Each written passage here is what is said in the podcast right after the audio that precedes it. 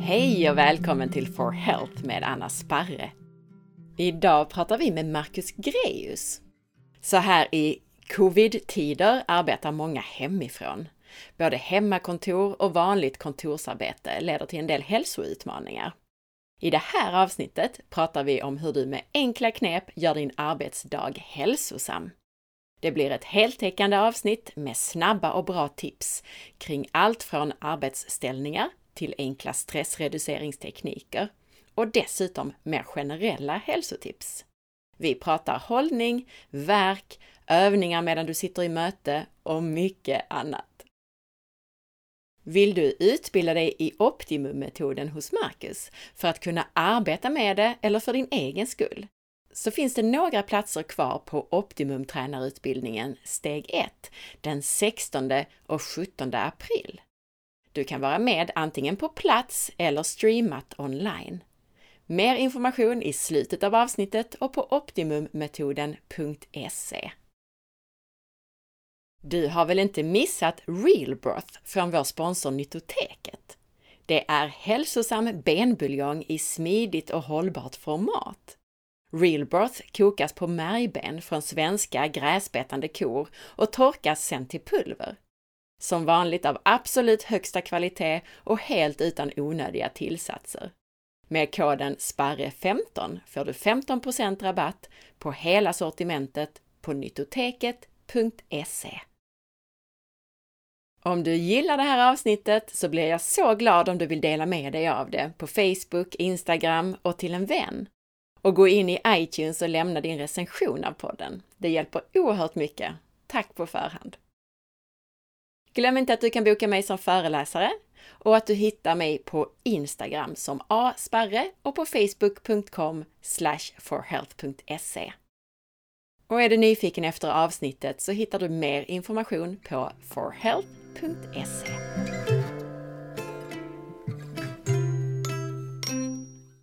Marcus Greus är sjukgymnasten som inte lyckades bota sina egna besvär med vanlig sjukgymnastik.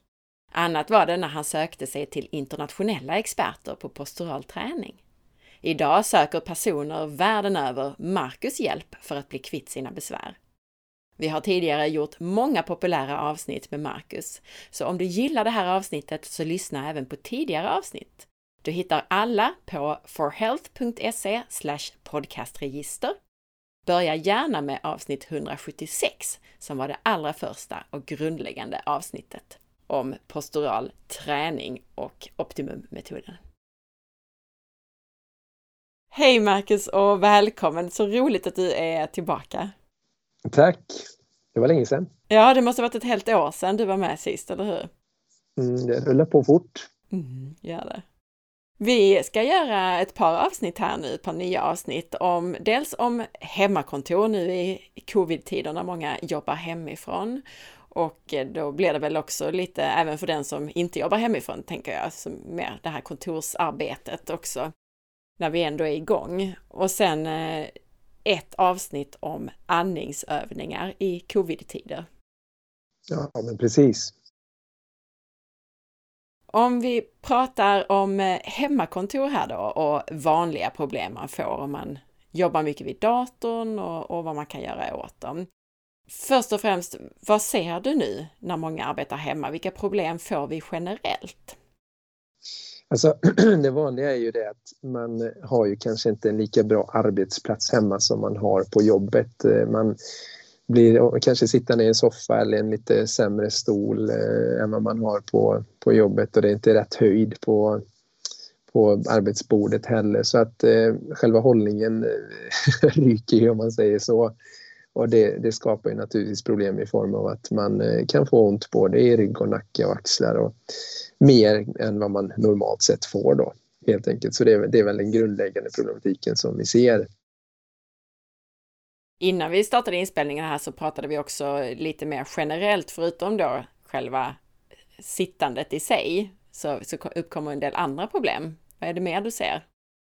Ja, det, det är ju det här att när man är hemma så tyvärr så är det ju många barn som också har behövt vara hemma så att man eh, får inte riktigt samma fokus av den anledningen att det blir mer störmoment så att man kan bli stressad när det, när det blir lite hallå i bakgrunden. Och det var som jag började berätta för dig där innan vi körde igång intervjun att eh, min mamma berättade att hon, hennes man hade då ringt till eh, var det, Länsförsäkringar och skulle prata om någon försäkring och då, då hörde ju han då hur hon eh, på Länsförsäkringen då fick tysta sina barn i bakgrunden när hon försökte jobba. Och då, då var effektiv i sitt arbete Eh, gentemot kund då, i detta fallet eh, min mammas man. Då. Och eh, det är klart att det blir ett stressmoment när man har, har någon som stör en i, i ens försök att vara fokuserad i, i, sitt arbete. Då. Så att det i sig kan ju skapa spänningar i nacke, skuldra och rygg och sådär så att det är ytterligare ett moment som man kanske inte hade då när man, eller när man är på jobbet på sitt ordinarie kontor. Då. Och, så att det, det är klart att det kan ställa till det. Den här stressen också som man får av splittrad uppmärksamhet. Precis. Nu när jag pratar med egna klienter och så, så har jag tänkt på en del saker också. Förutom det att, att många blir väldigt väldigt stillasittande, inte bara det i fel ställning utan just det här att man är mycket mer stilla än vad man är på sitt kontor. Dels för att man inte går och rör sig till och från kontoret så mycket, men också att man kanske inte går till kopiatorn och sådär, utan man är i ett mindre hus. Så att man rör sig generellt mindre. Och så just det här att det är många som, ja men man går upp ur sängen och så går man direkt och jobbar, man får inget dagsljus, alltså man kommer inte ut. Särskilt nu under vinterhalvåret har det varit så att en del går direkt och jobbar och sen slutar de när det är mörkt. Nu blir väl det förhoppningsvis bättre då. Och sen så också just det här att vi är gjorda för att vi ska titta på, vi tittar mycket ut över prärien så att säga, eller ut över savannen och havet och så vidare. Och den biten är ju också där att vi sitter bara och tittar på nära håll hela tiden, vilket är väldigt ansträngande för ögon och hjärna. Absolut. Det, alla de sakerna ser vi och hör ju från våra kunder också. Så att, eh, vi mister mycket av det som eh, man eh, kanske tar för givet. Så man tänker inte ens på att eh, bara den lilla promenaden till eh, jobbet, eller även om det inte är många steg, så, så är det ändå skillnad mot att bara gå från sängen till soffan, vilket många hamnar Jag vet att många sitter liksom i soffan, kanske ett lågt soffbord och det blir en jättekomprimerad position. Liksom, så att, och man andas sämre också då naturligtvis när man mm. hamnar i den sämre ställningen än vad man kanske gör på jobbet. Och det i sig bidrar till stress. Så att ett dåligt andningsmönster kan ju skapa stress också då. Så att det finns många saker som händer där faktiskt. Precis, och du poängterade just det där att även de som faktiskt kör bil till jobbet, vilket jag tycker då eh, kanske är bristfällig fysisk aktivitet. Men det är ändå så att man går ut till sin bil och sen parkerar man bilen och så kanske man tar trapporna upp till kontoret i alla fall. Så att det blir ändå en viss rörelse av det där och just det här att man kommer ut och får några minuters dagsljus. Mm superviktigt. Men om vi börjar med det här, det kanske största problemet då. Hur ska man sitta när man arbetar? Ja, alltså det vi brukar rekommendera när jag jobbar med kund här på plats på kliniken så brukar vi gå igenom just sittande på ett par olika sätt. Och dels är det det att man ska försöka få till det med att sitta långt ut på kanten på stolen en liten stund och gärna flera gånger om dagen då där man verkligen verkligen sitter alla längst ut på kanten där man har fötterna så att eh, hälarna är under knäna. Man har en 90 gradig vinkel då i knä och höft och eh, fötterna pekandes rakt fram. Och då försöker jag tippa fram bäckenet så man får en naturlig svank längst ner i svanken framförallt. Och då ovanpå det så tänker man sig att man har som en tråd som fäster på toppen av huvudet som liksom sträcker upp en. Då. När man sitter på det sättet så hjälper det till att aktivera den här djupa posturala kedjan, alltså de här djupa inre hållningsmusklerna som är designade för att hålla oss upprätta. Och de gör ju ingenting när man sitter i soffan eh, i en C-kurvatur eller ser ut som en banan. Då. Utan de, de lägger ju av helt enkelt. Och likadant om vi sitter i kontorstolen och bara hänger som en hösäck så lägger de av också. Det bidrar ju till att vi sen får ont på grund av att då måste vi slå på andra ytligare kompenserande muskler. Då. Så att bara man får till, även om det är 30 sekunder per gång om man tycker att jag orkar inte, jag får så ont i ryggen när jag sitter där. Så gör man det om och om igen så blir man gradvis lite starkare i det och verkligen se till när man sitter där att man försöker att slappna av magen också så att man andas med magen för att när man gör det så hjälper det till för diafragman då är då en del av postralkedjan och det hjälper till att trigga igång de här djupa inre höftböjarna och ryggmusklerna som ligger djupare under de här ryggfiléerna som många blir spända i. Då. Så att får man till det några gånger om dagen, eh, alltifrån eh, 10 sekunder till några minuter så är det väldigt bra. Sen finns det lite pausövningar som vi ska gå igenom sen vilka de är och vi kommer ha lite filmer på det sen då så man kan titta hur man kan göra de här. Men att sitta på det sättet är det ena, att sitta mer eh, längre bak på stolen är det andra. Men när man gör det så vill man se till att man inte bara sätter sig hur som helst och och bara sjunker ihop där utan då vill man se till att man börjar med att skjuta in rumpan så långt bak eh, till stolen, så stolsryggen som möjligt för att när man gör det och sen då reser sig upp ovanpå det så kommer man automatiskt att få en bättre svank och det gör också att man blir mer upprätt också i själva bröstryggen. Då. Och är det nu så att man sitter hemma i en soffa, eh, som jag själv sitter ofta i soffan och jobbar, eh, mer eller mindre varje kväll tänkte jag säga. För det är ju, som entreprenör så jobbar man rätt mycket då. Och eh, då blir det ju att soffan blir ju en av de ställen som jag personligen är på då. Men då ser jag till att bulla upp med kuddar så att jag, jag tar en, ett par kuddar, alltså en kudde som jag ser till att lägga alltså precis ovanför eh, nedre svanken så att den stöttar då att jag får en, en bra naturlig svank. För att jag sitter inte längst ut på eh, soffkanten hela tiden, det blir ju helt onaturligt. Och den bättre hälften kommer ju tycka att man ser ut som en robot, det är inte bra. det är konstigt också. Men sittandes på det sättet gör att jag ändå kan ha en, en schysst svank och det, när jag har den schyssta svanken så kommer bröstet upp och då kommer inte huvudet och axlarna falla fram lika mycket heller. Och ett annat tips där är sen om man nu har datorn där framför sig att man lägger ett par kuddar så man får upp datorn lite grann så att armarna inte hänger ner och huvudet inte hänger ner på grund av det heller utan ett par kuddar där för att få upp datorn på lite högre höjd och behöver inte böja ner huvudet för att se skärmen heller på, sam på samma sätt som om man har den bara i, direkt i famnen så att säga. Så att bak med rumpan långt bak, en, en kudde som stöttar en naturlig svank och så försöka hitta en upprätthet på det då. Och sitter man på en vanlig stol så behöver man inte någon kudde utan då bara skjuter in rumpan så långt som möjligt och så rätar man upp sig ovanpå det så får man just eh, en variant kan man säga av ett bra sittande. Även om inte det belastar de djupa musklerna lika mycket så är det ändå bättre än att sitta som många gör, att de liksom sjunker fram med höfterna och rumpan och höften åker fram. Och så fort det händer, som jag gjorde nu när jag sitter i stolen här, så känner jag ju riktigt hur bröstet sjunker ihop och då åker huvudet fram så jag får den här gamnacken och axlarna sjunker fram då. Så att vi vill försöka komma ifrån det så mycket som möjligt. Och även, eh, bara säga det, att även när man sitter i bil, det är så otroligt vanligt att folk när de sätter sig i bilen så sätter man sig slarvigt. Jag får ju påminna mig själv att när jag sätter mig i bilen, in med rumpan, liksom, in med rumpan längst bak och inte sitta med för mycket bakåtlut på stolsryggen då i varken bil eller om man har en, en eh, ställbar kontorstol exempelvis. För att så fort man lutar bak själva stolsryggen så måste huvudet skjutas fram per automatik för att balansera. För att det är bara att testa om, om ni som sitter hemma och lyssnar. Om ni lutar ryggen en bra bit bakåt så kommer huvudet vilja åka fram för att hitta, huvudet ska hitta balans så att säga ovanför bröstryggraden och, och nacken då, bröstryggraden.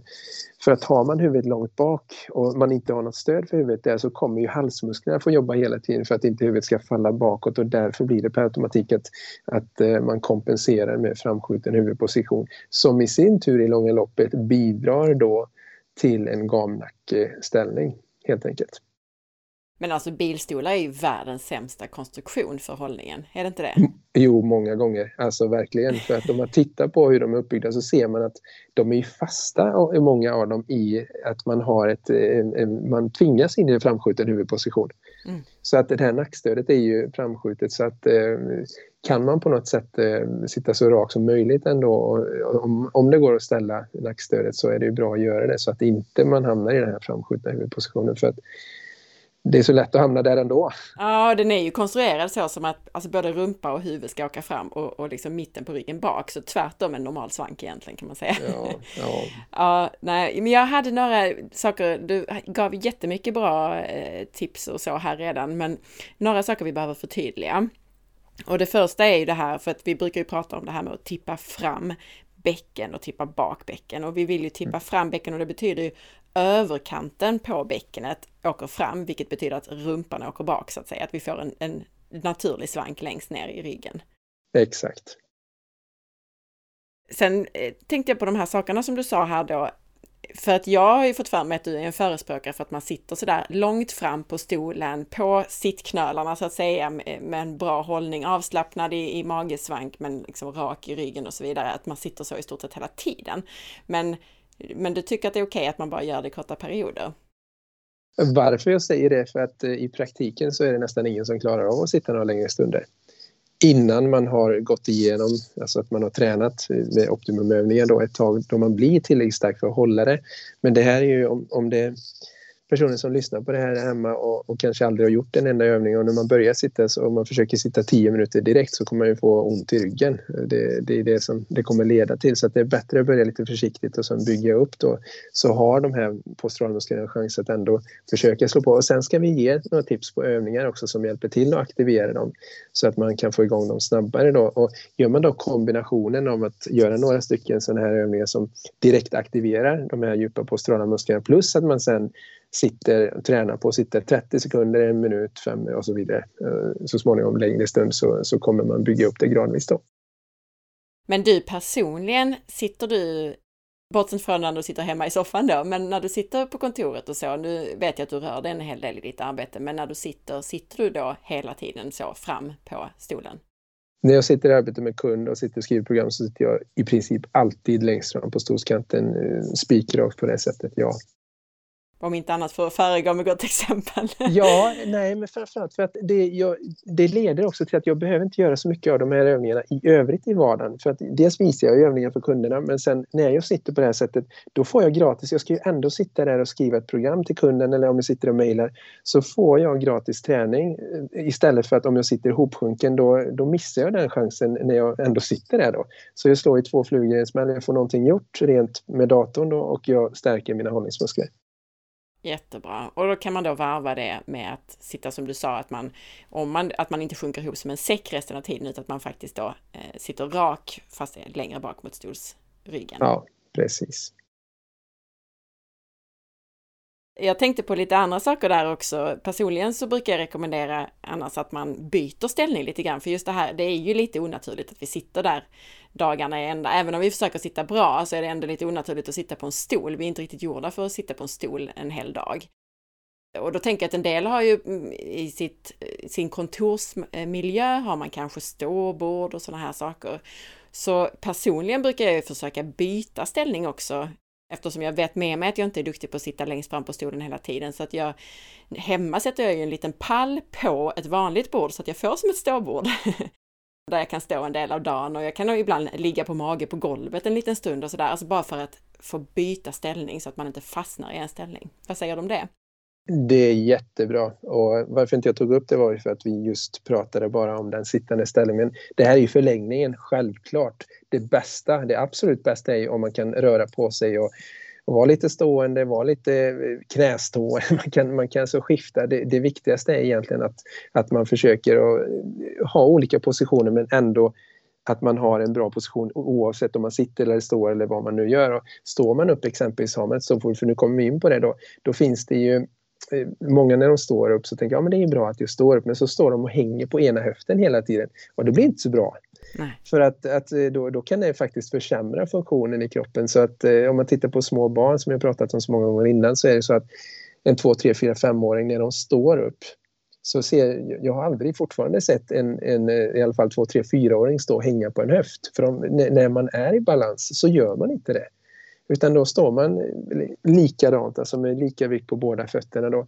Och då finns det tips och tricks för att man ska kunna träna upp det där. Dels att man bara tänker på att man ska stå rak men också övningar som man kan göra som hjälper en att bli mer stabil idag. Vi ska titta på övningar som, som man kan göra för det också sen då. Så att eh, jättebra att stå upp, sitta ner, växla mellan det, ligga på mage om man, om man klarar av det. Det är inte alla som klarar av att ligga på mage för de får ont i ryggen om de ska jobba med datorn framför sig. Men kan man det så är det kanon om man kan växla position. Sen, sen att ligga ner i soffan med, med huvudet framskjutet, för det blir ju, ska man, ska man ligga ner och ha datorn och jobba med så kommer ju huvudet skjuta fram. Och visst kan man göra det om man bara, jag orkar inte, jag vill bara, jag, jag vill bara ligga och slappna av lite, men gör det självklart.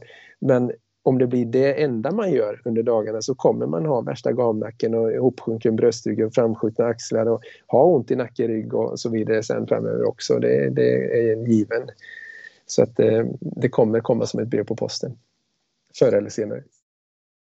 Du kom ju in här nu då på lite vanliga problem och då, vi har nämnt det här gamnacken. Den är ju vanlig även när folk inte arbetar hemma. Just det här att man man sitter och så hänger man fram på halsmusklerna så att säga med, eh, sticker fram hakan när man arbetar. Mm. Vad säger du om det? Vad, vad finns det fler för vanliga problem och vad ska vi göra åt de här problemen? Det ska vi tillägga när det gäller det här med gavnacken, det här med synen då. Det är viktigt att komma ihåg att en av anledningarna till att man kan få en gavnacke är att man har dålig syn eller man har dåliga glasögon som gör att man för att man ska kunna se när man tittar på så skjuter man fram huvudet och man vinklar huvudet på olika sätt, progressiva glasögon exempelvis. Så att eh, det gäller att ha lite koll på det där. Har jag bra syn och funkar mina glasögon eller är det de som faktiskt gör att jag hamnar i en konstig position med mitt huvud och min nacke? För att eh, man kan göra all världens övningar men om det ändå blir så att man skjuter fram huvudet på grund av att man inte ser bra så, så eh, måste man ju åtgärda det på den nivån, eller hur? Absolut. Jag nämnde ju det här också med att det är onaturligt att vi sitter och stirrar på så nära håll. Och någonting man kan göra där för både för att eh, få lite avslappning i öga och, och hjärna men också för att träna ögat så att vi inte får så mycket synfel. Det är just det här att vi med jämna mellanrum tittar på lite längre håll, helst på minst 20 meters håll. Alltså att vi kanske tittar ut genom ett fönster eller så i 20 sekunder var 20 minut ungefär. Skulle vara optimalt. Mm. Eh, faktum är att eh, det är rätt intressant att du säger det men jag märker det själv för jag har eh, här på mitt kontor så har jag fönster ut och jag har utsikt till långt bort och jag, jag märker att det är väldigt ofta under dagen som jag vänder, vänder huvudet utan att ens tänka på det och tittar bortåt. Så att eh, jag vet inte om det är på något sätt inbyggt hos oss att har vi möjlighet att se långt så vill vi göra det för att eh, ögat vilar på ett helt annat sätt när vi har eh, blicken riktad på någonting. Jag tittar kanske en 300 meter bort här där jag sitter då. Det låter ju perfekt. Att, eh, ja, ja det, det är jätte, jätteskönt faktiskt. Så det kan vara ett problem då som leder till, till gamnack, att vi faktiskt inte ser så bra eller har fel glasögon. Mm. Men sen är det ju också, som vi alltid har pratat om det här, att kroppen är ju en enhet och om man sätter sig på kanten av stolen med naturlig svank och, och sen magen avslappnad och känner efter var hamnar huvudet någonstans så borde det hamna någorlunda upprätt. Men om man bara tippar bak bäckenet, det vill säga man planar ut svanken och noterar vad händer då, då kommer man ju känna att bröstet sjunker ihop och huvudet vill åka fram. Så att det är inte huvudets eller nackens fel nödvändigtvis att man får en gamnacke utan det är ju positionen på bäckenet, ländryggen och bröstryggen som skapar en hållning som gör att huvudet åker fram då som ett resultat. Så att om man tänker som traditionellt inom sjukgymnastiken, har du en gamnacke så ska du tänka på retraktionsövningar. Och det är inget fel på retraktionsövningar nödvändigtvis. Så det betyder alltså att man drar in hakan och släpper efter, drar in hakan, tänker liksom på att hålla en indragen haka så. Men det är bara att prova själv om man sjunker ihop med bakåttippat bäcken och utplanad ländrygg, bröstryggen eh, hopsjunken och så försök då att dra in hakan och känn på hur, hur det där känns. Så kommer, kommer du att känna att aj vad det tar emot i nacken när det är svårt att föra bak hakan då. Jämfört med om jag tippar fram bäckenet, magen slappnar av, bröstet kommer upp, slappnar av axlarna och härifrån drar in hakan och känner efter hur lätt eller svårt är det nu att dra bak hakan och få huvudet i en bättre position så kommer de flesta vara överens om att det är mycket lättare nu när jag har en naturlig svank och upprätt bröstrygg då, att ha en bättre huvudhållning. Då. Så att med andra ord, ska vi få ordning på en gamnacke och framåtlutade axlar för det hänger ihop med vartannat då, så ska vi få ordning på dem så behöver vi titta på vad som händer från, alltså ner från höfterna upp hela vägen till bröstrygg och då nacke, huvud. Och jag vill återigen bara betona här när du säger, när du illustrerar den här dåliga hållningen med bakåttippat bäcken så betyder det egentligen att man, det, det kan låta lite motsatt nämligen, för det är ju det här att man typiskt man skjuter fram hela rumpan. Och då blir ju den här överkanten av bäckenet bakåt tippat. Precis, och då om man bara tänker om, om svanken planar ut och rundas bakåt så, så då har vi tippat bäckenet bakåt och då följer ju bröstryggen med så den sjunker ihop och då följer ju axlarna och huvudet med framåt. Gamnacke var det ena problemet och sen har vi också sagt det här att axlarna åker ju gärna fram då också. Och, och det blir ju det här, alltså många får ju det här av kontorsarbete och så att man blir kort i bröst, kort och kanske ibland stark då också i, i bröstmuskulatur och så svag på ryggsidan. Precis. Så vad är frågan där? Ja, frågan var egentligen om det var dels om det var något mer att säga om det, men också vad är det mer för problem? Det var egentligen på den frågan vi var.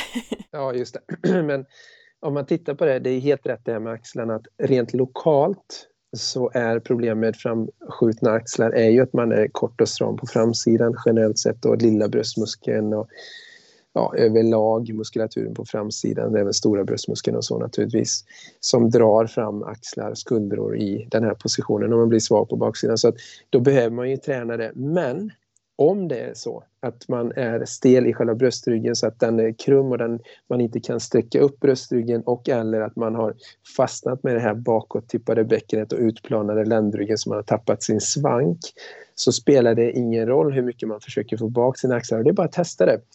Om man sitter först med naturlig svank, upprätt bröstrygg och så känna hur lätt det är att få bak axlarna där. Dra ihop skulderbladen, bara notera hur lätt det är att få bak axlarna och hur, hur kommer axlarna i en bra position där när man drar ihop skulderbladen. Och sen så provar man att sjunka ihop med bäckenet så att svanken planar ut, rundas bakåt med andra ord. Bröstryggen sjunker ihop så man blir som en hösäck och så provar man nu att dra bak eh, axlarna och skulderna och då känner man ju även här då att nej, men de vill inte åka bak först och främst. Och sen så är det jobbigt att hålla dem och så fort man glömmer av att tänka på det så faller de ju fram då. Så att för att få ordning på axlarna, skulderna då, så behöver man naturligtvis se till att man får loss de här stelheterna i bröstmuskulaturen och framsida axlar och sådär och stärka upp där bak också. Men om man inte också fixar då själva bröstryggen, bröstkorgen ska jag säga också för den brukar också bli stel. Vi ska prata mer om det sen. Men sen är det också då själva ländryggen och bäckenet som vi måste få ordning på så att vi får en bättre ställning där för att det ska bli hållbart att få tillbaka axlarna i sin rätta position. Så man kan behöva träna hur mycket som helst om man bara tränar axlar och ändå inte får ordning på det. Och om man fixar till eh, ända ner från höfterna bäckenet så, så kan det vara så att det inte alls behövs träna så mycket för att man ska få en bättre axelhållning och därmed mindre problem med nackeskuldra också. Då. Gamnacke, axlarna faller fram. Innan så nämnde du också det här just när man jobbar hemma, att man kanske sitter med laptopen i knät och det känner jag ju verkligen igen mig i. Ibland hamnar jag också i soffan och då känner man efter ett tag hur trött man är i nacken därför att man har ju haft, man har tittat neråt så att säga. Det kanske mm. inte är så vanligt på kontoret, men, men där sa du, att lösningen är kanske att bulla upp lite grann så att man får upp datorn. Precis, att man inte behöver ha blicken så mycket neråt helt enkelt då. Så man får hitta något mellanting. Kommer den för högt upp så är det jobbigt för armarna istället så att man får hitta något som, som funkar.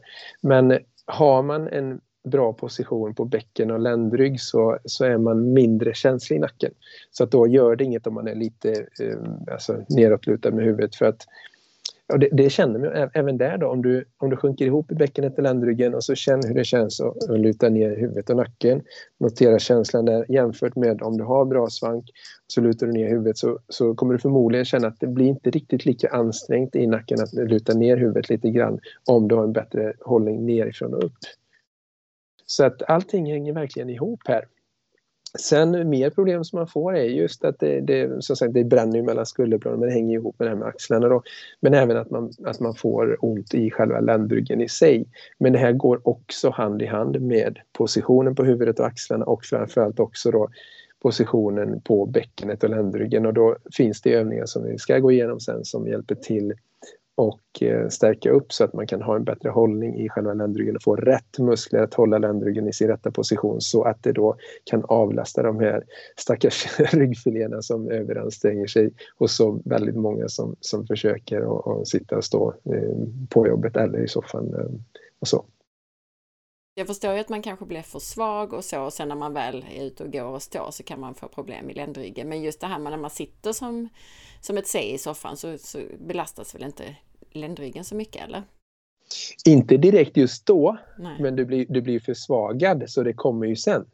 Och sen, sen, ja, sen kan det ju vara så att om du, om du hamnar i tillräckligt dåliga ställningar tillräckligt länge så blir det lite dragningar i ligament och muskel, alltså muskelfästen. Det, det blir ändå jobbigt i långa loppet så det, det är många som jag känner som får ont och man kanske har lite överrörlighetstendenser. Man hamnar i ytterlägen i lederna som gör att man kan få ont i alla fall fast man bara liksom sitter, halvsitter, ligger ner där då.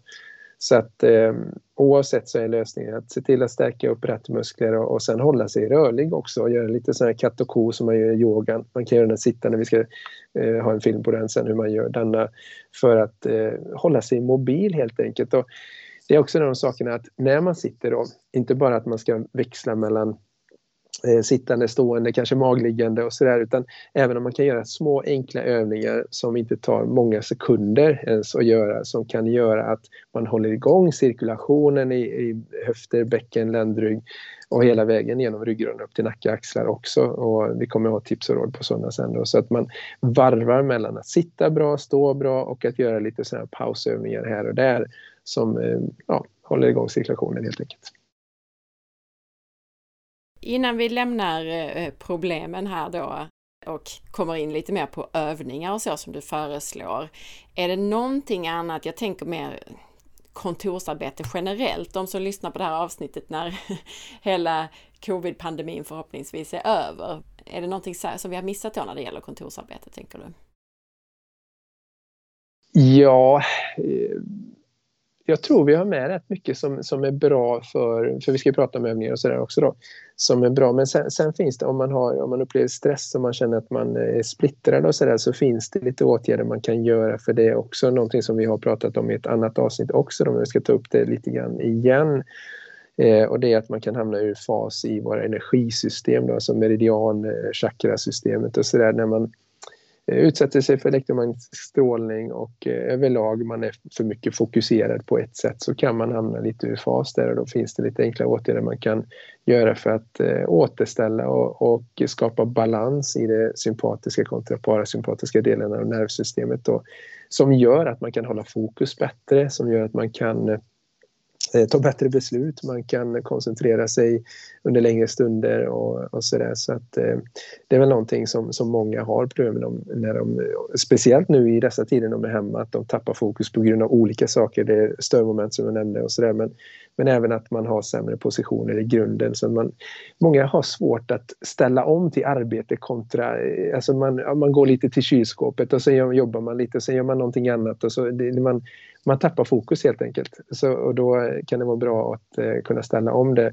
Men även sen när man är tillbaka på kontoret att, att ha det här, de här EFT-knackningarna som vi har pratat om innan och som ska gå igenom igen då. För att hitta tillbaka till här och nu. Ska vi komma in lite på övningarna nu då? Mm, mm. Absolut. Så övningar för alla som eh, sitter i Eh, dåliga ställningar när de jobbar hemma eller som förhoppningsvis framöver sitter i bättre ställningar men ändå för att kompensera för det där och stärka kroppen. Mm. Absolut. Eh, om man börjar med bara de enklaste pausövningar eh, som vi ska tillhandahålla videos på då. Men om man tänker sig att man sitter ner då i en stol eller kanske till och med i soffan och så vill man ju hålla igång cirkulationen som jag nämnde här innan. Och ett sätt att göra det då är att om man tänker sig att man sätter sig långt fram i soffan eller på stolen då och eh, försöker sitta med en naturlig svank då. Och så kan man göra så att man tänker att man drar tillbaka ena höften och då följer det den sidan som jag drar tillbaka höger höft och följer höger knä med bakåt som att jag roterar bäckenet bakåt på höger sida. Och sen roterar jag bäckenet bakåt på vänster sida så det blir som ett litet vridmoment i ländryggen där. Så vrider bak höger, vrider bak vänster och då blir det en liten rotation i ländryggen när man gör det här. Vilket i sin tur då får igång eh, Eh, cirkulationen, lymflödet och, och sådär i både höftbäcken och framförallt ländryggspartiet och där är ju många väldigt stela. Jag har haft många kunder som har testat det här och det här är väldigt bra att göra också när man sitter och kör bil längre eh, stunder och om man sitter på buss eller tåg eller flyg eller vad som helst egentligen där man sitter några längre stunder så är det bra att göra de här rotationerna. Så man gör några sådana, kanske 5-10 stycken på varje sida. Och ofta kan det vara så också, det här är eh, rätt intressant, känn efter då när man drar tillbaka höger höft, hur långt kommer jag med höger höften och bäckenet där? Och sen dra tillbaka vänster höft, kommer jag lika långt? Känns det som ett mjukt stopp? För att när allt funkar som det ska så ska det kännas som att det är ett mjukt stopp och man kommer kanske bak en Ah, 10 cm, det kan vara lite olika för olika personer men det ska kännas som att man kommer lika långt och det är mjukt stopp på båda sidorna. Då. Har man problem exempelvis med SI-leden eller korsbenet där bak så brukar det ofta ta emot på den sidan. Det kan ibland vara motsatt sida också men ofta på den sidan då. Och då är det bra att jobba lite extra så att man lirkar loss den här stelheten bak till i SI-leden då. Och när man har gjort kanske 5-10 eller fler om man känner det eh, av den så kan man då göra den här sittande eh, katten och hunden eller även sittande bäckenrullning kan man kalla den då. Och det man gör då är att man helt enkelt tänker att man sjunker ihop som ett C, alltså bäckenet tippar bakåt, svanken planar ut bakåt så att överkroppen sjunker ihop rakt ovanför höften och huvudet hänger ner. Så man är en riktig hösäck nu. Och därifrån tänker man att man vänder så att man tippar bäckenet framåt och då kan man tänka sig att det går en stång genom ena höften och kommer ut på andra sidan och så liksom vrider man fram bäckenet runt den tänkta stången. Då. Och då kommer ju svanken att öka, magen kommer ut, bröstet ska komma upp och skulderbladen ska gå ihop och man kan även böja upp huvudet och titta lite uppåt. Och så sjunker man ihop igen och så rullar man fram och tillbaka och när man sjunker ihop då andas man ut så när man sjunker ihop i hösiktsställningen och sen så man rullar fram bäckenet så tänker man att man andas in då, magen putar ut där och så växlar man fram och tillbaka mjukt och fint där kanske 5-10 gånger eller mer om man vill göra det då. Och då har man fått igång cirkulation, dels i höfter, bäcken, ländrygg och även uppåt genom ryggen. Och sen kan man därifrån göra som så att man sätter händerna på axlarna och armbågarna pekar ut åt sidorna och man sitter med en bra hållning. Och så kan man göra så att man andas in och så på utandning då roterar överkroppen åt vänster. Och andas in och ut en gång till, kommer lite längre så höfterna är nu stilla men överkroppen roterar åt vänster. Sen kommer tillbaka till mittläget, andas in och roterar överkroppen åt andra hållet med bibehållen svank och bra hållning. Så att man liksom roterar, innan var det ju bäckenet som roterade men nu roterar man alltså bålen från, om man tänker bröstkorgen och axlarna som roterar åt ena och andra hållet och det är ryggraden naturligtvis som rotationen sker kring då. Och så gör man det några få gånger åt båda håll och känner efter där också då, kan jag rotera lika långt åt höger och vänster eller är det så att oj, oj, oj, jag var mycket stelare åt höger till exempel. Då är det med stor sannolikhet så att den stelheten i rotation kan skapa problem både mellan skulderbladen och upp i nacken, kanske till och med bidra till spänningshuvudvärk och sådär. Och det pratar vi inte ens om, men, men huvudvärk är ju många som har nu när de sitter hemma och har den här dåliga hållningen. Och det här kan ju hjälpa till för att få loss eh, de stelheterna som bidrar till den här huvudvärken. Då och gjort några rotationer så kan man göra några sådana här sittande katt hund igen när man sjunker ihop och svankar fram och tillbaka då. När man har gjort det då börjar det röra på sig ordentligt i ryggraden och då kan man som nästa steg göra så att man tar sina knytnävar om man inte har en kudde att tillgå. Om man sitter hemma i soffan så har man en kudde, då kan man bara lägga kudden mellan knäna då. Och så ser man till att man fortfarande sitter på kanten av stolen och så fötterna ska då vara en knytnävsbredd isär, tredje tån ska peka rakt fram och så tippar fram bäckenet, magen slappnar av, bröstet kommer upp så man har en fin hållning och så om man inte har en kudde så har man då knytnävarna mellan låren ganska nära grenen. Och så håller man knytnävarna ihop mellan låren så ska man trycka in insidorna av låren mot knytnävarna så att man känner att man tar i med insidorna av låren då. Och då tänker man att man börjar väldigt lätt och så ökar man trycket in mot låren under några få sekunder, kanske 3, 4, 5 sekunder och sen släpper man efter och man kanske går från 1 av maximalt tryck till kanske 40-50% inte mer än så. Och det viktiga är att man då inte sjunker ihop, för det är det alla vill göra här nu. Nu vill de sjunka ihop så bäckenet tippar bak och svanken planar ut och det ska man absolut inte göra då för då får man inte den effekt att stärka de här djupa inre höftböjarna som vi är ute efter. Utan man ska bibehålla en naturlig svank hela tiden när man då trycker inåt. Och här kan man trycka då kanske fem eller tio tryck och när man har gjort det så är man färdig egentligen med den delen. Nu finns det många olika delar som vi kan lägga in här men om man bara gör de, vad blir det, fyra, fem övningarna och sen kommer upp och rör på sig och känner efter hur det känns. Och då kommer många känna att oj, nu känns det ju faktiskt som att jag har fått igång lite cirkulation, det känns lite mindre ansträngt i ryggen, det känns som att eh, hållningen i bröstryggen har blivit lite bättre och, och, lite mindre jobbigt uppåt genom hela kedjan. Då. Så där är lite grundövningar som man kan börja med. Ja, och faktiskt flera av dem kan man ju till och med göra när man sitter i sina sådana här Zoom-möten eller GoToWebinar, alltså de här online-mötena. För att det är alltså just det här att man använder underkroppen och den här eh, som du säger när man tippar bäckenet fram och tillbaka, det gör jag till och med när jag kör bil. Det går ju till och med bra att göra där. Exakt, det är det jag menar. Att det, man har ju farthållare och man kan ju hålla en hand på ratten ändå. Och att, eh, att sitta fyra timmar och säga att man ska åka från, som jag i Borås då, till Stockholm och bara sitta helt still, det, det, är bara dumt för att det kommer att leda till att man blir mer eller mindre stel. Och speciellt om man har lite obalanser sedan innan. Så att det är så enkelt att få till de här, kräver ingenting, i princip ingen utrustning heller som sagt.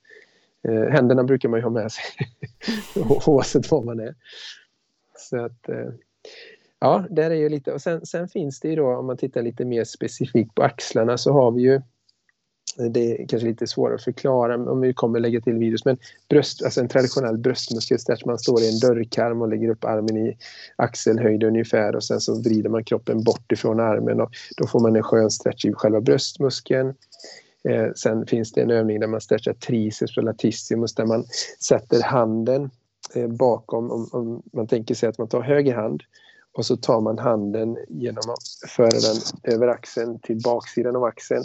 Och sen tar man tag med vänster hand om höger armbåge så drar man armbågen bakåt så man får en skön stretch i tricepsen. För många gånger när man har de här framskjutna axlarna så är man både stram i bröstmuskulaturen men man blir också stram i både triceps och latissimus, den stora breda ryggmuskeln då. Och den har en tendens att vrida armarna inåt så att den bidrar till den här framåt eh, inåtroterade axelpositionen. Så när man släpper på de två och sen följer upp med axelrullningar, det här med att lyfta axlarna upp och sen rulla ihop skulderbladen och verkligen känna då att man tar i ordentligt med musklerna mellan mellersta och nedre skulderbladen. Och, så att man inte släpper efter direkt när man kommit bak utan man verkligen försöker komma bak och ner hela vägen. Och här är det väldigt svårt för väldigt många människor. Och de känner också att de får inte kontakt med insidan av ena skulderbladet ordentligt hela vägen bak och ner. Och då får man verkligen försöka med helt spikraka armar. För här gör många också det felet att de böjer sina armbågar och så tar de ut rörelsen i armbågen istället. Så låser ut armbågarna lyfter axlarna upp, rullar dem bakåt, håller ihop skulderbladen helt och hållet och hela, hela vägen ner och sen upp igen och hela vägen ner och så verkligen försöker få kontakt till liksidan med båda sidor. Sen kan man rulla framåt också men det brukar räcka och få bra effekt av att bara rulla bakåt och göra det kanske 5-10 gånger. Så får man igång då musklerna mellan skulderbladen som ofta är då hämmade på grund av att man har varit kort och stram i bröstmuskulaturen och generellt framsidan av axlarna. Då. Så där har man fått igång de bitarna och sen så har vi ju ytterligare några, men vi kan ju, jag tänker att vi kan ta dem också sen via videos som vi ger länkar till då, för det är lite lättare att titta på dem och prova på egen hand då. Sen kommer, jag ska bara lägga till det att det finns ju också en tendens att man blir kort och stram i, i sina höftböjare när man sitter mycket. Och vi kan ta den bara så att eh, alla kommer ihåg att man kan göra den här att, att eh, sträcka ut framsidan av låret och eh, framsidan av höften.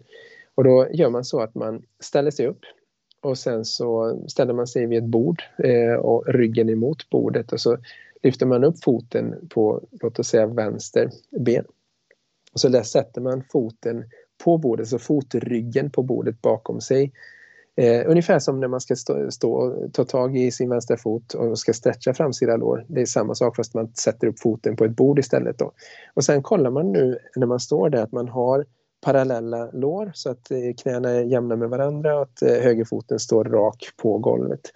Och då bör det, man ska ju ha så pass högt så att det börjar stretcha i framsidan av låret. Och gör det nu ont i foten för bordet är hårt så kan man lägga en kudde eh, så att eh, foten ligger på en kudde där på bordet. Och i den här positionen så håller man höfterna raka och, och benen parallella och så tänker man att när man andas ut så ska man då tippa bäckenet bakåt, det vill säga att man tar i med sätesmusklerna för att tippa in svansen mellan benen. Och när man gör det så kommer det börja sträcka mer i framsidan av låret och framsidan av höften i tanken så att man släpper på de här stramheterna som uppstår på grund av det här sittandet som kan uppstå på framsidan av höfterna. Och så gör man, eh, står man där några andetag och byter man ben och gör ett par, tre gånger på varje sida. Det är också en väldigt skön övning för att hålla sig rörlig även på då framsidan av höfterna så inte bara pratar om vad som händer på baksidan där.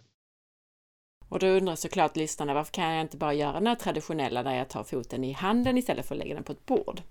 Precis, och det är en jättebra fråga. Och svaret på frågan är att när man bara tar tag med handen och passivt så att säga, man drar med handen i benet så blir det en passiv stretch som vi kallar det. När man istället sätter upp foten bakom sig och då tar i med rumpan som är antagonist till framsida lår och höftböjare så kommer man på en neurologisk, alltså nervsystemsnivå få en djupare omställning i muskulaturens längd och spänningsförhållande så att musklerna släpper efter mer. Så man, många har ju stretchat sina framlår och säger att ah, jag blir, jag blir ju aldrig rörligare fast jag stretchar hur mycket som helst. Men när man gör på det här sättet så får man en omställning på en nervsystemsnivå som leder, kallas för reciprok inhibition för de som kan det här. Fint ord, eller fint uttryck. Eh, men det blir en mycket bättre totaleffekt så att man, man får mer release, så att säga. det släpper mer i muskulaturen och blir mer hållbart resultat än om, om man bara drar med handen. Då. Så det är därför vi vill ta i med sätesmuskulaturen för att det är den då som skapar stretchen. Jättebra, tack för de övningarna Marcus. Och så hade vi det här med stress då. Vad gör vi med den här stressen av att det kanske är splittrad uppmärksamhet eller bara stress generellt? Ja, och först är det just det här, jag pratade lite grann om den bröstkorgen innan. Vad som händer när vi är stressade är ju att vi skiftar ju andningen upp till övre bröstkorgen. Och då i kombination med att vi sitter i dåliga ställningar, så att vi sjunker ihop, då, då låser vi liksom nedre bröstkorgen så vi blir väldigt stela i det området. Och det gör också att då kan inte diafragman eh, fungera på rätt sätt för diafragman när den aktiverar och vi andas in med diafragman så kommer ju dels magen puta ut men även att framförallt då nedre bröstkorgen ska expandera åt olika håll, åt sidorna och sådär. Men då har man ju tappat det när man är stressad så att det första man ska tänka på för att minska sin stress och det, det här vet ju alla egentligen men det kan vara bra att få en förklaring rent fysiologiskt också. Att när man är stressad så andas man högt upp i bröstkorgen och då får man inte ner lika mycket syre och då dels blir man ju Alltså man, man är inte lika fokuserad när man får mindre syre och det leder till en massa negativa fysiologiska effekter. Men det gör också att kroppen tolkar situationen som om du är stressad fast du inte kanske nödvändigtvis är stressad utifrån när du fastnar i det här övre bröstkorgsandningen då för att du har blivit så stel där nere då. Så att vi ska försöka dels genom de här övningarna att vi mjukar upp allting runt omkring eh, ryggrad och axlar och skuldror och sådär. Att vi skapar förutsättningar för att vi ska andas på rätt sätt som är mindre stressande, alltså som hjälper oss att hitta tillbaka till lugn och ro parasympatiska delen av nervsystemet.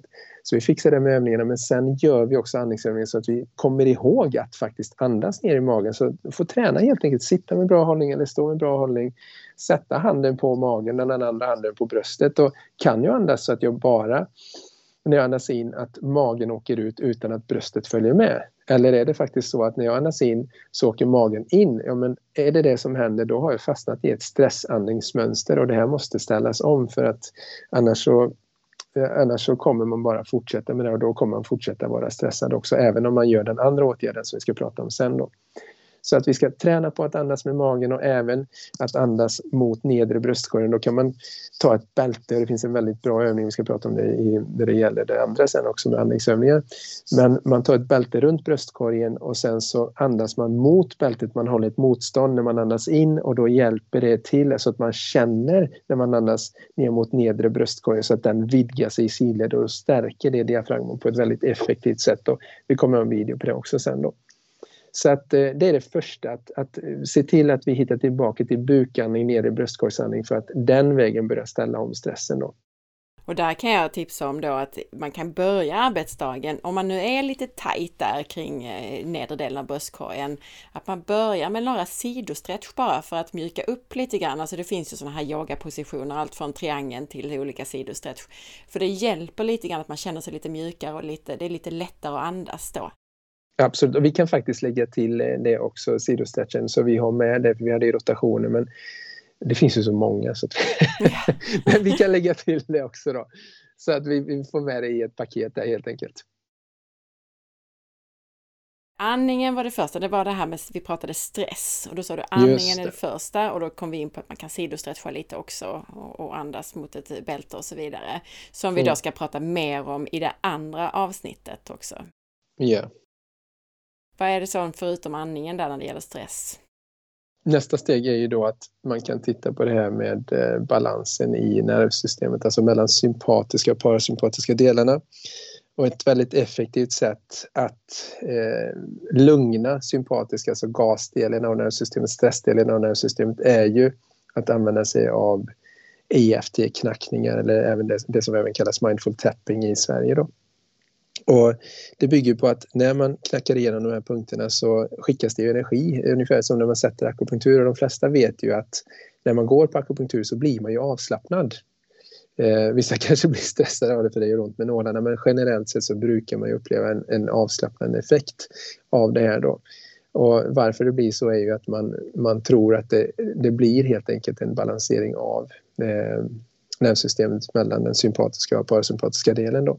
Och det har vi sett i praktiken just när vi jobbar med våra kunder att när man då knackar igenom de här punkterna samtidigt som man andas lugnt så känner man sig betydligt mycket lugnare efteråt och vi har jobbat med många människor med det här i grupper och under utbildningar och det, det finns ju mycket forskning bakom det här också att man har kunnat se att eh, det faktiskt ger en väldigt, väldigt fin effekt. Då. Så att eh, det man gör är ju att när man känner sig stressad, dels att man kan ta några djupa andetag eh, på det här sättet som vi pratade om, men att man sen då knackar igenom ett visst antal akupunkturpunkter som vi kommer att video på då, som helt enkelt leder till att man, eh, ja, man får en eh, omedelbar stressreducering. Och det vi brukar säga till våra kunder, för när jag har kunder som kommer in här och vi jobbar med Optimum Mind-delen då, som handlar just om att man ska släppa på mentala känslomässiga trauman och hitta tillbaka till ett lugn i sig själv. Då. Om vi då ser att kunden är väldigt stressad när de kommer in eh, för noll är ju den normala stressnivån. För folk tror ju att ja, men jag är inte stressad, jag ligger bara på en sexa, sjua. Eller fyra, femma, att det är väl normalnivå. Nej, det är inte normalnivå, utan noll är vår normalnivå. Sen kan det ju hända att det händer någonting, man tillfälligt går upp, men många tror ju att när de går omkring i sin vardag och ligger på en femma, sexa till exempel, det är normalt. Nej, det, så ska det inte vara utan vi ska ligga på noll och sen kan det hända något tillfälligt men det ska gå ner ganska, ganska så snabbt. Då. Och EFT då gör att man kommer ner i varv så att vad vi brukar göra är att vi brukar be våra kunder att känna efter helt enkelt hur känns det just nu innan vi börjar med knackningarna då. Känn efter hur det känns från topp till tå. Hur, hur spänd känner du dig i kroppen först? Och känn hur känns det rent mentalt, känslomässigt. Har du någon stress? Var sitter den här stressen? oh, jag känner det är ett sånt tryck i bröstet, det ligger på en åtta där. Okej, okay, ja bra, så notera det. Och mm, det kan ju vara olika, det kan vara en klump i magen, det kan vara svårt att andas eller det kan vara vad som helst. Så man bara noterar vad man upplever just för stunden. Då. Och sen så gör man helt enkelt så att man knackar igenom de här punkterna i lugn och ro, ett par, tre omgångar kanske. Det är lite olika beroende på hur lång tid. Det kanske är så att man hinner en omgång bara med några få knackningar per punkt eller så har man kanske några extra minuter så man kanske lägger 5-10 minuter på att knacka igenom de här olika punkterna. Och sen då noterar efteråt att man kollar av sin baseline så att säga. Hur, kändes det, hur känns det nu jämfört med hur det kändes innan då? Och de allra flesta, om de har varit på en åtta exempelvis eller sexa, femma eh, i stressnivå känner ju att den har reducerats antingen lite grann eller i väldigt många fall väldigt mycket till och med. Bara på att knacka igenom de här akupunkturpunkterna eh, några gånger.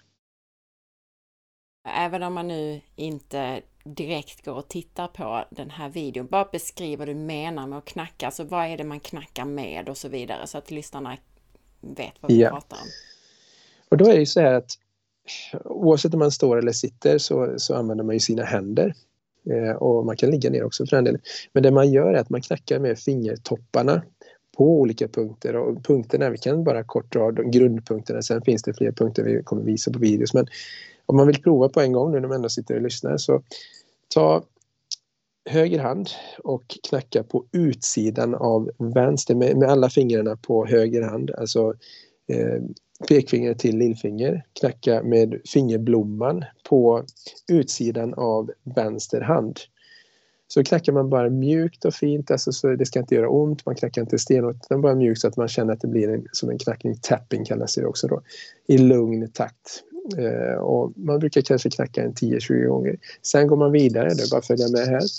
Vi går så jag har höger hand på toppen av huvudet och då tänker jag mig från öronen, toppen av öronen så tänker jag att jag ritar en linje som går precis till mitt uppe på toppen av huvudet.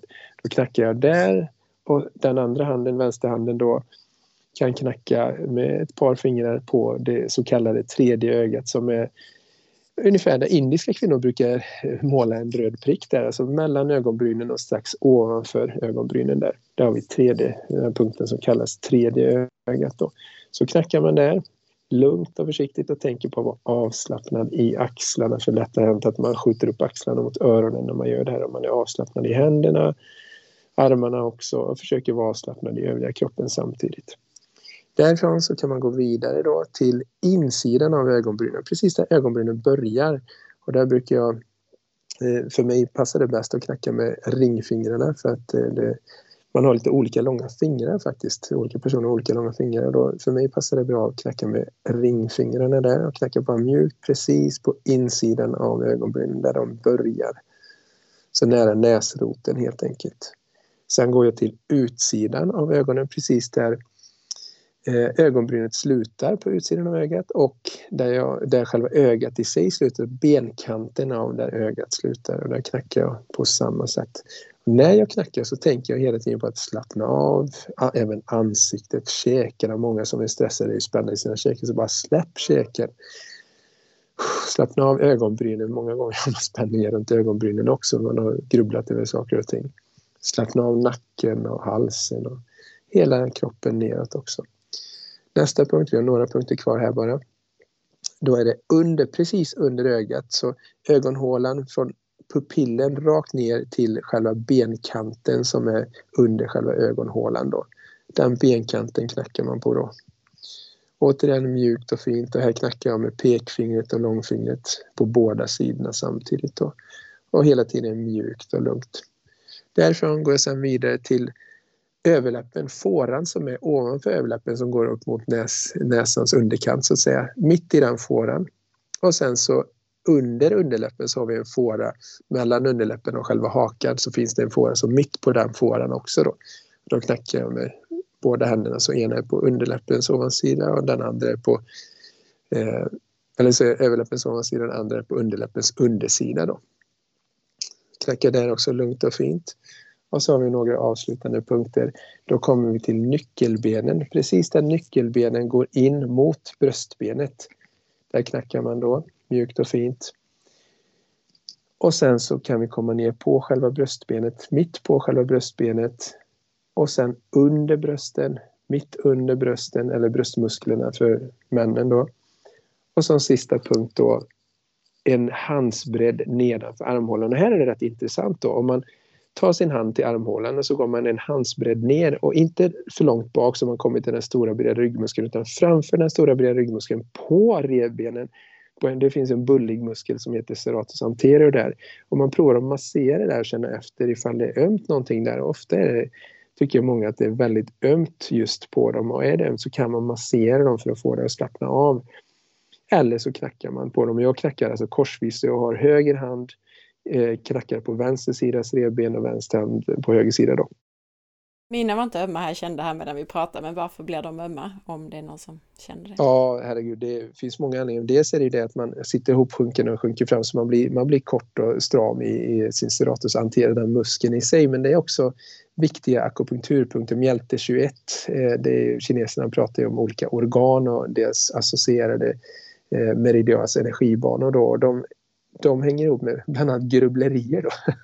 så jag brukar säga, har du grubblat mycket så brukar det ofta vara öm där. Om du har haft mycket stress, grubbleri, så brukar det ofta bli ömt på de punkterna faktiskt. Men det kan, det kan finnas rent hållningsmässiga orsaker. Det kan finnas att man är stressad, spänd så att de musklerna spänner sig. Men att bara massera hjälper då att få igång cirkulationen och flödet där då. Så det här var alltså en, en knackrunda och det finns fler punkter, det finns punkter på fingrarna bland annat, vi kommer kunna visa på videos också då. Men att bara knacka igenom de punkterna som vi gjorde nu i lugn och ro, kanske 10-20 gånger per punkt och kanske ett par, tre omgångar. Och så andas lugnt under tiden och verkligen se till att man slappnar av. Dels händerna, som inte spänner händerna som man knackar med, slappnar av axlar, armar då skuldrorna, ansiktet. Det är så många som är stressade som går omkring och bär massa stress i, i ansiktet, spänningar i ansiktet och i käken också. Man biter ihop även under dagtid. För många säger att ja, jag biter ihop på nätterna men jag har kunder som kommer och, som biter ihop även under dagtid och då är man verkligen stressad. Jag är en sån som spänner käkarna definitivt, eh, även dagtid. Men jag har en sån här snabb grej också. Jag tänkte, jag vet, det här är det bästa som du sa, alltså gärna liksom knacka 20 gånger på varje punkt och gärna göra det här flera runder. Och det är så som jag har lärt mig också. Men för mig så är en sån här snabb reducering av stress, det är att knacka just där längs nyckelbenen, inte bara punkten där eh, som du sa, men längs hela nyckelbenen och på bröstbenet. Och sen att massera, att slappna av i, tänka på att slappna av i käken och så massera loss där och gärna sträcka ut tungan lite också. Det ger enorm stressreducering för mig. Bara knacka liksom bröstben, nyckelben, massera käkar. Perfekt. Och det finns ju, det finns ju hur mycket som helst. Då. Och, så man får ju prova sig fram lite vad som funkar. För att när vi jobbar också har vi sett att Vissa personer känner att oh, punkten på toppen av huvudet, där kände jag att det hände någonting. Någon säger att oh, det var punkterna precis på insidan av ögonbrynen eller utsidan av ögonbrynen. Och så, så att man får testa sig fram. Och det är, då har du hittat det som funkar för dig och för någon annan kanske det är någon annan. Så det finns inget som är hugget i sten i det här utan det är bara att experimentera och så köra igenom och se vad som, vad som känns bra helt enkelt. Mm. Och det finns ingen fel ordning man kan göra det här eller så att oj nu råkar jag hitta och rätt punkt. Det spelar inte så stor roll för att är man ungefär i närheten så blir det vad vi kallar en perkussionseffekt. Så det blir som en vibration som, som ändå fortplantar sig till rätt punkt om du ens är hyfsat i närheten. Så att eh, du behöver inte vara orolig över att eh, uh, hittade jag verkligen rätt punkt eller inte utan det brukar fungera ändå. Med det mentala medan man gör det här, vad, är det något särskilt man ska tänka på, alltså jag tänker så här de första gångerna då får man ju det här meditativa i det för då är man så fokuserad på vad man ska göra. Men är det någonting särskilt man kan göra med tankar och så för att få extra effekt av sån här tapping? Alltså i grund och botten så är det ju så att vi tänker för mycket. Ja, precis. Om vi ska nu vara helt ärliga. Och faktum är att, att bara vara närvarande i det man gör och fokusera på andningen i sig brukar vara det som är bäst. För att, att om man ska börja fokusera på att om nu ska jag tänka på det också samtidigt och kommer jag ihåg rätt punkt och så vidare så kan det bli en stress i sig.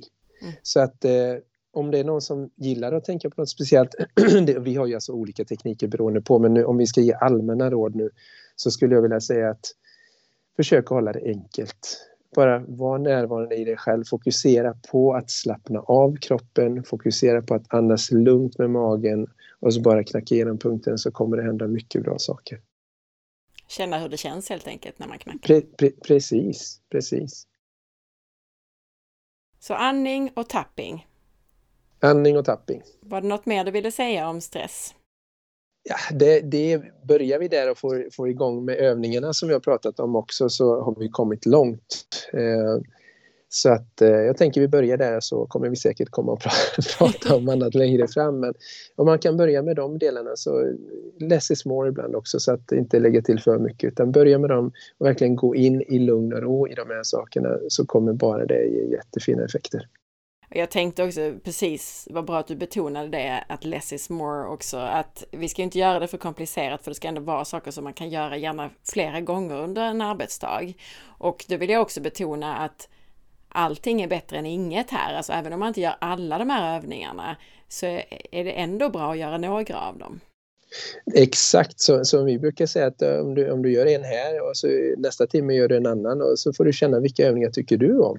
Så det är återigen inget som är hugget i sten med det här och ingenting som man måste göra så utan om det känns skönt så kör. Men vi har tillräckligt mycket redan i vårt liv så att det är inte meningen att de här övningarna ska bli ytterligare ett så att säga stressmoment. Tvärtom ska det här göra att man blir mer fokuserad, mer välmående, får bättre flöde i kroppen och, och mindre ont och mer välmående. Så för att försöka, du får komplettera vad jag säger här, men för att försöka summera lite vad vi har sagt här så dels att tänka på hur vi sitter då, att vi, som du sa, försöker sitta ibland framme på stolen och med en god hållning och så vidare. Som vi har pratat om här idag alltså. Och sen att vi byter ställning, vi kan stå och vi kan sitta på olika sätt och så. Och sen att vi gör några sådana här pausövningar där vi till exempel då roterar bäcken och roterar överkropp och, och sådär som vi har pratat om. Och sen också de sakerna som jag nämnde, det här med att vi, vi skiftar blicken, tittar lite på längre håll, att vi kommer ut i dagsljus, rör på oss, byter ställning och så vidare. Och sen då för det femte, det här sista vi pratar om, det här med stressreducering, att vi gör några andningsövningar och kanske knackar lite grann så att vi inte har en stressnivå som ligger där på 7-8 utan den borde ligga ner mot noll optimalt. Mm, precis. Eh, absolut och gör man bara det här så kommer man komma långt bara på, på de här bitarna och som sagt vi, vi håller det enkelt, inte, inte för mycket på en gång utan hitta, prova det här så, och känna hur det känns och därifrån kan man ju alltid bygga på sen. Det finns ju, finns ju mycket annat roligt man kan testa på men att eh, det här kommer att göra skillnad. Det kan tyckas att jag hinner inte, jag har så mycket att göra, men många av de här sakerna gör oss ju faktiskt mer effektiva. Och jag vill också bara betona, vi har ju haft eh, Mattias Ribbing här i några avsnitt och han brukar ju använda sig av någonting som kallas för pomodoro-metoden som är att man sätter en sån här äggklocka. I 25 minuter jobbar man intensivt i 25 minuter och sen tar man 5 minuter paus. Och då är det här mm. perfekt att göra i de här fem minuterna och man hinner med att hämta kaffe och, och eh, ta en snabb titt på Facebook också under de här fem minuterna. Så att det, det... Superbra verkligen. Mm. Så att det, det är bara att köra. Jättebra och som sagt vi lägger upp övningar så man kan alltid gå in på forhealth.se och söka på övningarna så kommer det upp alla övningar som vi har lagt upp med dig eh, Marcus, både nya och de som hör till äldre avsnitt. Mm, kanon! Innan vi slutar Marcus, berätta igen var man hittar dig och Optimum. Ja, om man vill läsa mer om det vi gör så kan man gå in på optimum-metoden.se och eh, vi gör ju behandlingar för privatpersoner men vi håller också utbildningar för de som då är intresserade dels av att lära sig själva träningen och alla de här behandlingarna som, som vi gör med, med våra kunder och det ger ju jättefina effekter, vi ser ju snabba resultat. Och, och sen jobbar vi också med Optimum Mind som handlar om det här med hur man hittar tillbaka till sitt mentala känslomässiga välmående och blir av med då mentala känslomässiga trauman av olika slag och helt enkelt hitta tillbaka till ett lugn i tillvaron. Då. Och vi håller utbildningen i det nu. Så nu den 9-10 april har vi en sån grundkurs i Optimum Mind och det är många som kommer som bara vill bli av med egna trauman. Så det är många privatpersoner som deltar. Vi har det även via streaming så man kan göra det. Man kan läsa mer om det på hemsidan. Då. Eh, så en grundkurs där 9-10 april, fredag, lördag och sen så har vi start av en ny Optimum tränarutbildning Eh, som är 16-17 sa jag maj? Det är april. Eh, 9-10 april på den förra och eh, 16 17 april på start på Optimum tränarutbildningen då för den som är intresserad. Och mer information finns ju på hemsidan också då. Och då lär man sig helt enkelt eh, att eh Eh, dels bli bra i sin egen kropp eh, men också att hjälpa andra som har olika typer av eh, fysiska besvär och behöver, ja, kanske inte har kommit åt det med vanlig sjukgymnastik eller osteopati, kiropraktik och så vidare. Då. Så att vi har vi har väldigt många glada, nöjda deltagare som, som då upplever att de har fått ett helt nytt sätt att arbeta på då, och kunna hjälpa människor verkligen att komma åt grundorsaken till varför man har ont. Då. Och jag har ju själv gått, eh, jag är ju själv utbildad hos, hos dig, både i Optimum Mind och eh, yes. så det kan jag ju verkligen rekommendera och det är ju det vi pratar om i det här avsnittet som blev så himla populärt om mental hälsa, avsnitt 253. Och sen har jag också utbildat mig i själva optimummetoden då mer, eh, ska vi säga, muskulärt anatomiskt. Mm. Det allra första avsnittet vi gjorde tillsammans 2018, jag tror det är 176 om jag inte minns fel. Där pratar vi ju mer grundläggande om vad optimummetoden är för någonting, det här med postural träning och så vidare. Och Precis. sen har vi ju gjort minst 15 avsnitt om det.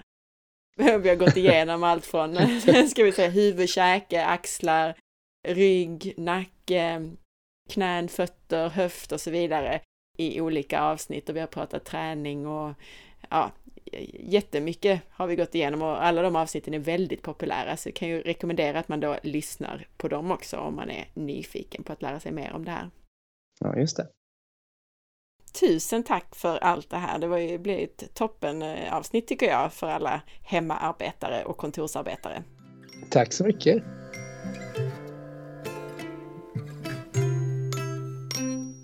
Tack för att du lyssnade. Jag hoppas att du gillade det och glöm nu inte att dela med dig. Missa inte heller att följa med på facebook.com forhealth.se och på Instagram via asparre. Veckans recension i iTunes är från Charlotta som skriver Tack! Tack för att du sprider så mycket kunskap och positiv energi. Det betyder massor. Lyssnar med stort intresse. Imponerande påläst. Tusen tack! Ha nu en riktigt fin dag så hörs vi snart igen. Hej då!